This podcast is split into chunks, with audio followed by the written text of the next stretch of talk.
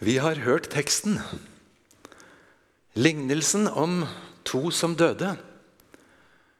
Dramatisk satt på spissen. For historien slutter ikke der hvor historier pleier å slutte, med at noen dør og gravlegges. Jesus gir oss et perspektiv som går lenger, og det trenger vi. Forfatteren Dag Solstad han sier det at eh, ethvert anstendig menneske må ha minst et 500-årsperspektiv på livet.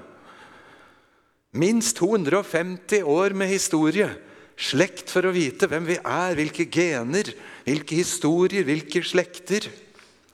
Og 250 år frem, så vi forvalter noe som ikke vi skal bare bruke opp. 500 års perspektiv på livet. Jeg syns nok det er altfor kort. Altfor kort. Bibelen lærer oss et uendelig mye lengre perspektiv. Og teksten vi har fått hørt, den setter søkelyset rett på det. For hva skjer når vi dør? Det er ikke game over. Det er ikke livets slutt. Men Gud har skapt oss til noe mer. Og så er dette kanskje den aller mest direkte bibelteksten som forteller noe om fortsettelsen. Og det er en lignelse. Og I lignelsene så må vi ikke pushe hver detalj, for det kan jo føre oss helt til det absurde. Jeg tror ikke Jesus mener å si at det liksom er synsfelt mellom fortapelse og himmelrik. Ikke at det er noe kommunikasjon. Det er vel ikke det som er tekstens poeng, men det voldsomme skillet. Den uendelige saligheten hos Gud. Engler kom og bar denne Lasarus ifra fillende fattigdommen, fornedrelsen og sulten, og like inn til Abrahams fang. Fantastisk. Men også den andre døde og slo øynene opp og var i pine. Og teksten tillater et søkelys rett på og gir han ordet for å si hvor fælt det er. Og hva som plutselig er den maksimale drømmen. Noen dråper vann som kunne svale min tunge. Og så Jesus' skarpe ord om at det går ikke. Også den overraskende vendingen. Når han resignerer på egne vegne, så har han likevel en form for omsorg eller omtanke for brødrene. For at ikke det må gå dem som det har gått meg. At de må snu i tide. Det er en rett på sak tekst. For oss som bekjenner troen på en hel bibel og på hele Guds ord, så kommer denne tilbake til oss med voldsom kraft. Går du virkelig og tror at livet skal ende slik? En kjærlig Gud som lar det hele ende på denne måten?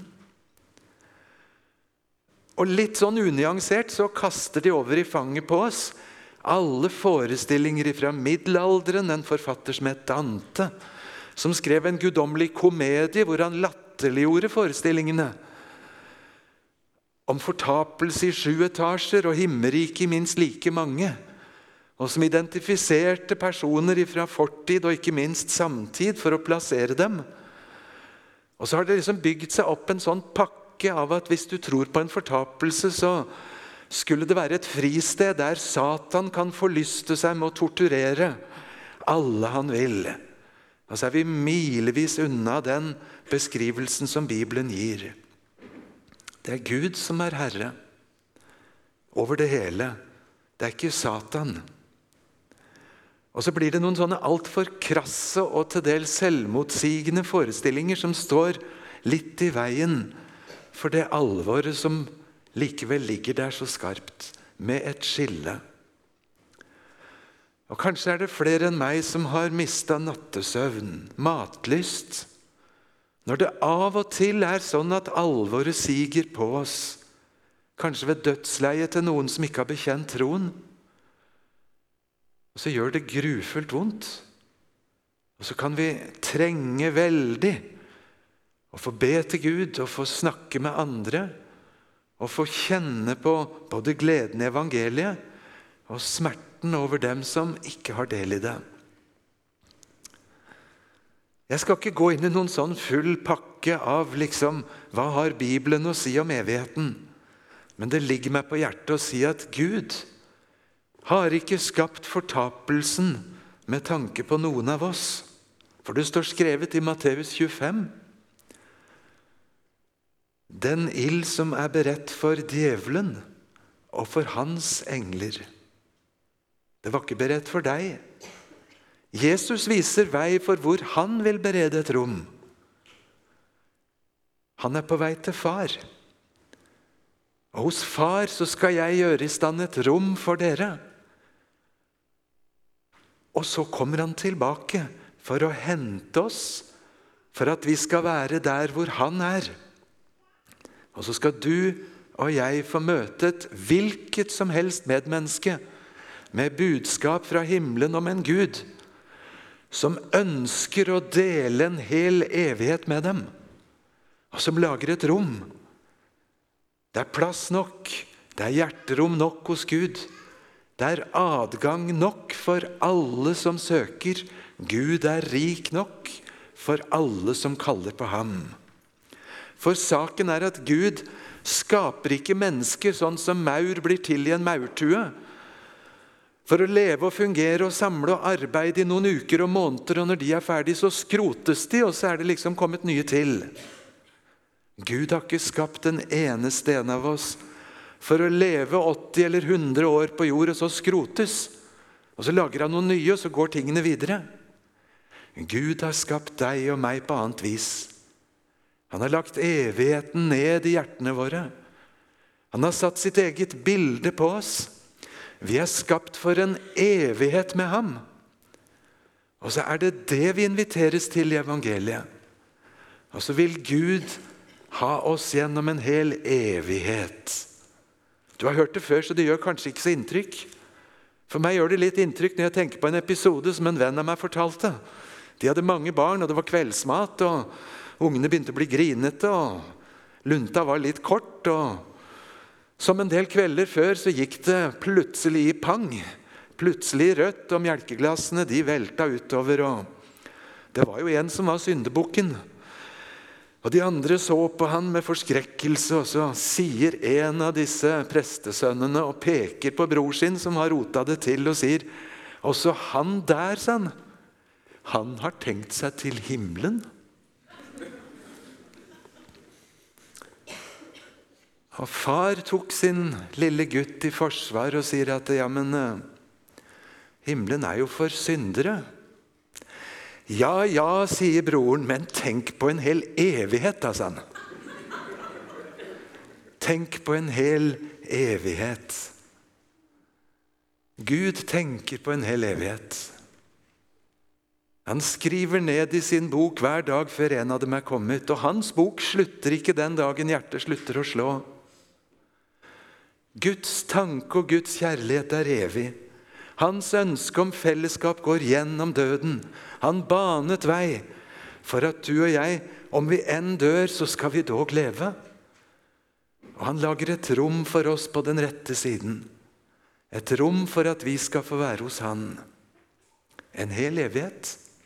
Tenk på en hel evighet. Når du og jeg skal lage et selskap og tenker hvem vil vi tilbringe disse tre timene sammen med? Når Gud lager selskap og dekker sitt langbord med Abraham, Isak og Jakob, og bosetningen er rett og slett uendelig, og Gud i himmelen spør hvem skal jeg fylle bordet mitt med? Hvem skal sitte til bords?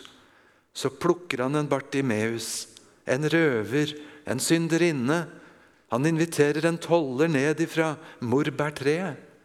Og så plukker han sammen et folk av mennesker som han selv har vunnet med sitt blod, fordi de er ham så kjær.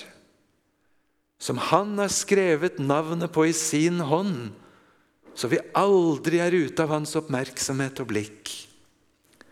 Og så ligger det en uendelighet av kjærlighet når Jesus kan si 'Kom til meg', alle, helt uten reservasjoner, alle som strever, som har tungt å bære. Jeg vil gi dere hvile. Alle dem Faderen gir meg, de kommer til meg, og den som kommer til meg, vil jeg ingenlunde støte ut. For det er fars hjertelag og skulle dele evighet med sine frelste. Men så følger teksten oss med et alvor om en mulighet for dem som sier nei. Dette syns jeg er det største paradokset i min kristne tro, som jeg ikke har et skikkelig svar på. Hvordan kan det ha seg at så mange bibeltekster ser ut til å vise oss at Gud respekterer et nei? Hvis du tenker etter hvor dårlig grunnlag det er for å si nei, hvor tilfeldige omstendigheter i livet som gjør at noen ikke vil være kristne, hvor likegyldig hele saken ofte har vært behandla hos noen. For ikke å snakke om hvis du ser konsekvensene for en hel evighet og så respekterer Gud et nei, og han lar den rike unge mann gå. Og så er bibelhistorien full av en bibel som ser ut til å respektere et nei. Ikke på en sånn måte at Gud ikke byr seg fram om igjen, like fra begynnelsen til det siste, men likevel. Det må være et enormt uttrykk for hvor stort det er å være skapt som et menneske, ikke som en robot. Av en Gud som ikke har tenkt å manipulere oss sånn at vi til slutt ville som han ville, ikke som vi selv hadde tenkt. Hvilken Gud ser vi da? Hvilket menneskesyn vokser fram av den valgets mulighet som selv Gud ser ut til å respektere? Men så kaller han og kaller og kaller. Og så gir vår tekst et ganske rett på sak inntrykk av hvor fryktelig det gikk, og hvor godt det gikk. Og så får vi ikke noen fullstendig forklaring på hvorfor det gikk slik, eller hvorfor det gikk sånn. Ble de dømt etter sine gjerninger? Hadde fattige Lasarus hørt om Jesus og tatt imot ham i sitt hjerte? hadde rikmannen, som levde så overdådig og uten hjerte for de andre, kanskje likevel en slags tro? Det er mange tekster som kan gjøre det krevende for oss. For det er mange tekster som taler om en dom etter de gjerninger vi har gjort, og dem vi forsømte. Og bak gjerningene, holdningene og tankene og hjerteinnstillingen. På en måte syns jeg Johannes' åpenbaring 20 gir meg den tydeligste forklaringen. Det er også en dypt alvorlig tekst om en regnskapsdag hvor alle mennesker som noen gang har levd, kalles fram for Gud, én for én. Et individuelt regnskap. Og så står det at bøker ble åpnet. Bøker som har registrert alle gjerninger, alle forsømmelser, alle holdninger, ord, tanker. Og så står det Enhver ble dømt etter sine gjerninger. Gud er en rettferdig Gud. Ingen tilfeldighet, ingen feil. Det er registrert. Hvis det var alt åpenbaringen 20 hadde å si oss om dette, så var vi uendelig fortapt alle sammen. Men det står også om en annen bok i den teksten. En bok som kalles Livets bok. Og Den plasseres i en annen tekst, Livets bok hos Lammet. Og så står det slik at hvis noen hadde sitt navn skrevet i livets bok, ja, så ble de frelst. Og da hører vi ikke noe om hva som ellers sto i de bøkene de menneskene hadde gjort og forsømt. Frelst på grunnlag av sitt navn i livets bok, uten at det er mine gjerninger som kvalifiserte meg. Men dersom noen ikke hadde navn i livets bok, så står de til regnskap for det som står skrevet i de andre bøkene, som helt korrekt registrerer hva som er. Og uten stedfortrederen Jesus så har vi ikke noe håp. Jesus er vårt eneste håp, men han er et håp. Og livets bok er en bok der Gud fremdeles skriver navn inn med glede. Og så er vi hos denne fortapte som bærer en slags omsorg for sine brødre. Og Så utspiller det seg en eller annen form for pedagogikk her. En diskusjon om hvordan nå fram. Den rike mann har vel i grunnen et forslag som vi har en viss sympati for. Han sier, 'Kan du sende Lasarus tilbake til brødrene mine, for at han kan' Og så brukes det et veldig sterkt ord på gresk. Grundig vitne for dem, advare dem, men over tid liksom legge fram for dem hvordan er det Sånn at de kan vende om, så ikke de også kommer til dette pinens sted. Omtrent samme pedagogikk som jeg husker en filmstjerne for noen år siden, som var kjent for å røyke seks 20-pakninger om dagen. En image som kinogjengere visste om verden over. Men så kom den dagen at han ble kreftsyk. Og før han døde, så spilte han inn en kort, liten film der han sa at når denne filmen spilles av, da er jeg død. Jeg har ett budskap. Hva du enn gjør eller ikke gjør, ikke røyk. Og så døde han. Og så ble denne filmen spilt om igjen og om igjen og om igjen som et veldig godt, virkningsfullt, kanskje skrekkvirkemiddel for at folk skulle slutte å røyke. Er det ikke litt samme logikk denne mannen sier? Send Lasarus dit og fortell åssen det går. Sånn at de må omvende seg i tide, så ikke de også kommer til dette pinens sted. Og Kanskje trenger vi liksom å tenke litt over om vi virkelig er helt enige med Abraham, som sier ja, men de har jo Moses og profetene. De kan høre dem. Ja, men kjære vene, sier den rike mann. Hvem er vel som bryr seg om Moses og profetene? Skal det skje noe, så må du ha andre virkemidler. Send Lasarus og si det. Da vil de vende om. Men Abraham svarer igjen, og vi skjønner det er Guds stemme. De har Moses og profetene. Vil de ikke høre på dem, så vil de heller ikke høre om noen står opp ifra de døde.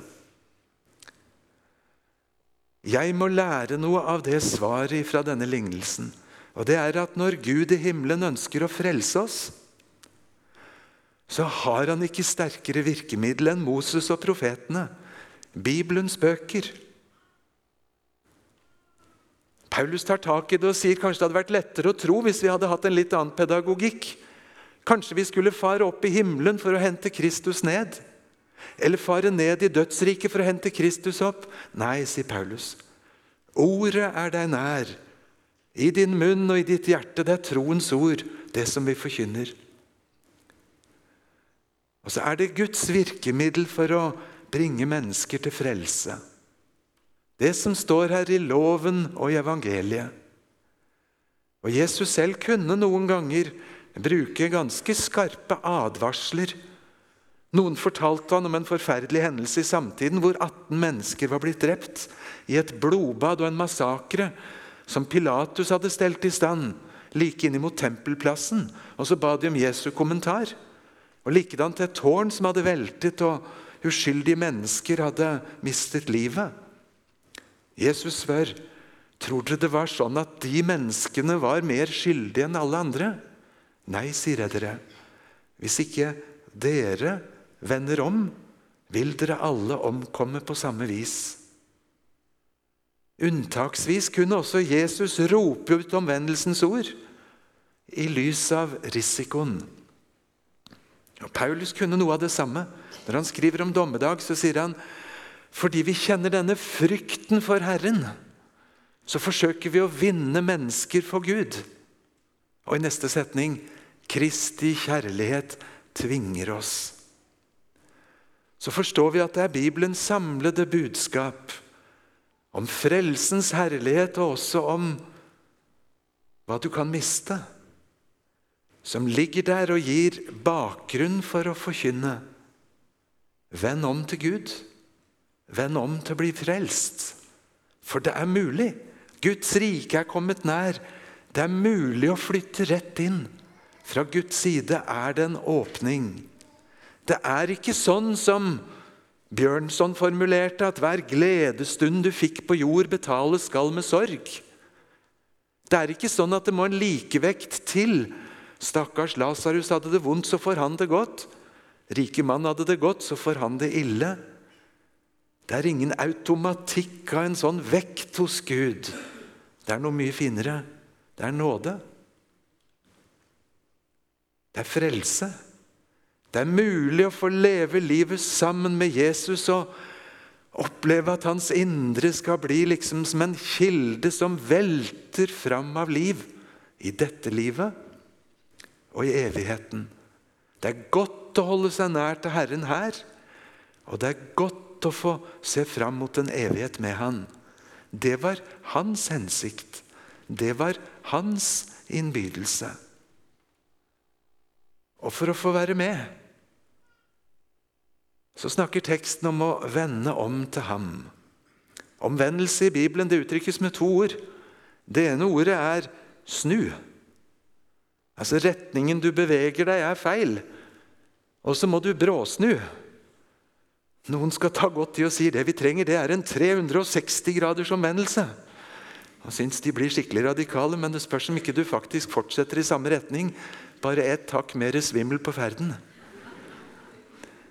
Men det ene uttrykket for å omvende seg i Bibelen, det er å snu. Det er sånn profeten i Gamle Testamentet gjør, og døperen og Jesus og apostlene.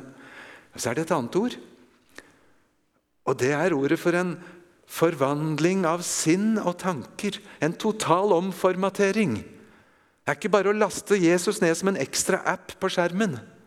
Men det er hele programvaren som må ut, og noe nytt må inn. Og Så forstår vi omvendelse. Det er både at livsretningen forandres, men det er også den indre endringen. Å vende om. Det er mange som lengter til himmelen. Men Guds folk må frimodig snakke om at så er det også et oppbrudd og en omvendelse som hører med.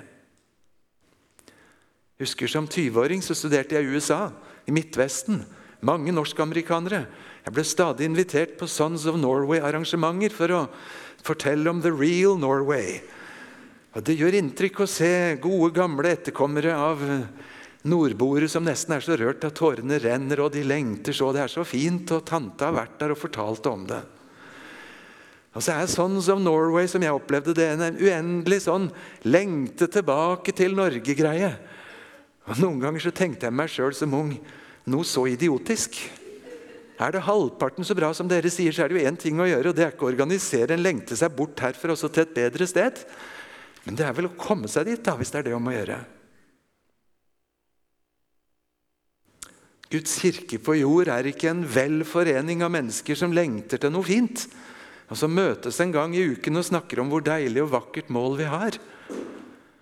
Men det er vel sånn sett et folk på vandring, i oppbrudd, på reise som er villig til de oppbrudd som måtte til for å være på den veien, den eneste veien som virkelig fører fram i følge med Jesus. Altså er Guds folk Det er et folk som går mot et lyst mål, som Jesus har kalt oss til. Og så er det mennesker som prøver å si til sine medmennesker at de, de må bli med. De må vende om. Én ting er å si det, en annen ting er å si det med rett tonefall. Det har vært min frykt med å stå her over denne teksten i dag. Egentlig ikke hva jeg skulle si,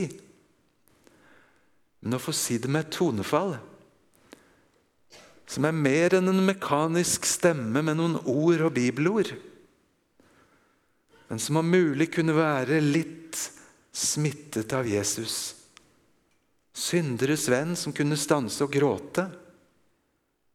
Som kunne glede seg med sitt folk. Så mye at de kalte han storheter og vindrikker. For Guds rike er en gledesfest. Men som bærer alvoret med seg, samtidig med gleden. Og som det kunne være en ettersmak av Jesus etter. Der hvor vi vandrer frem.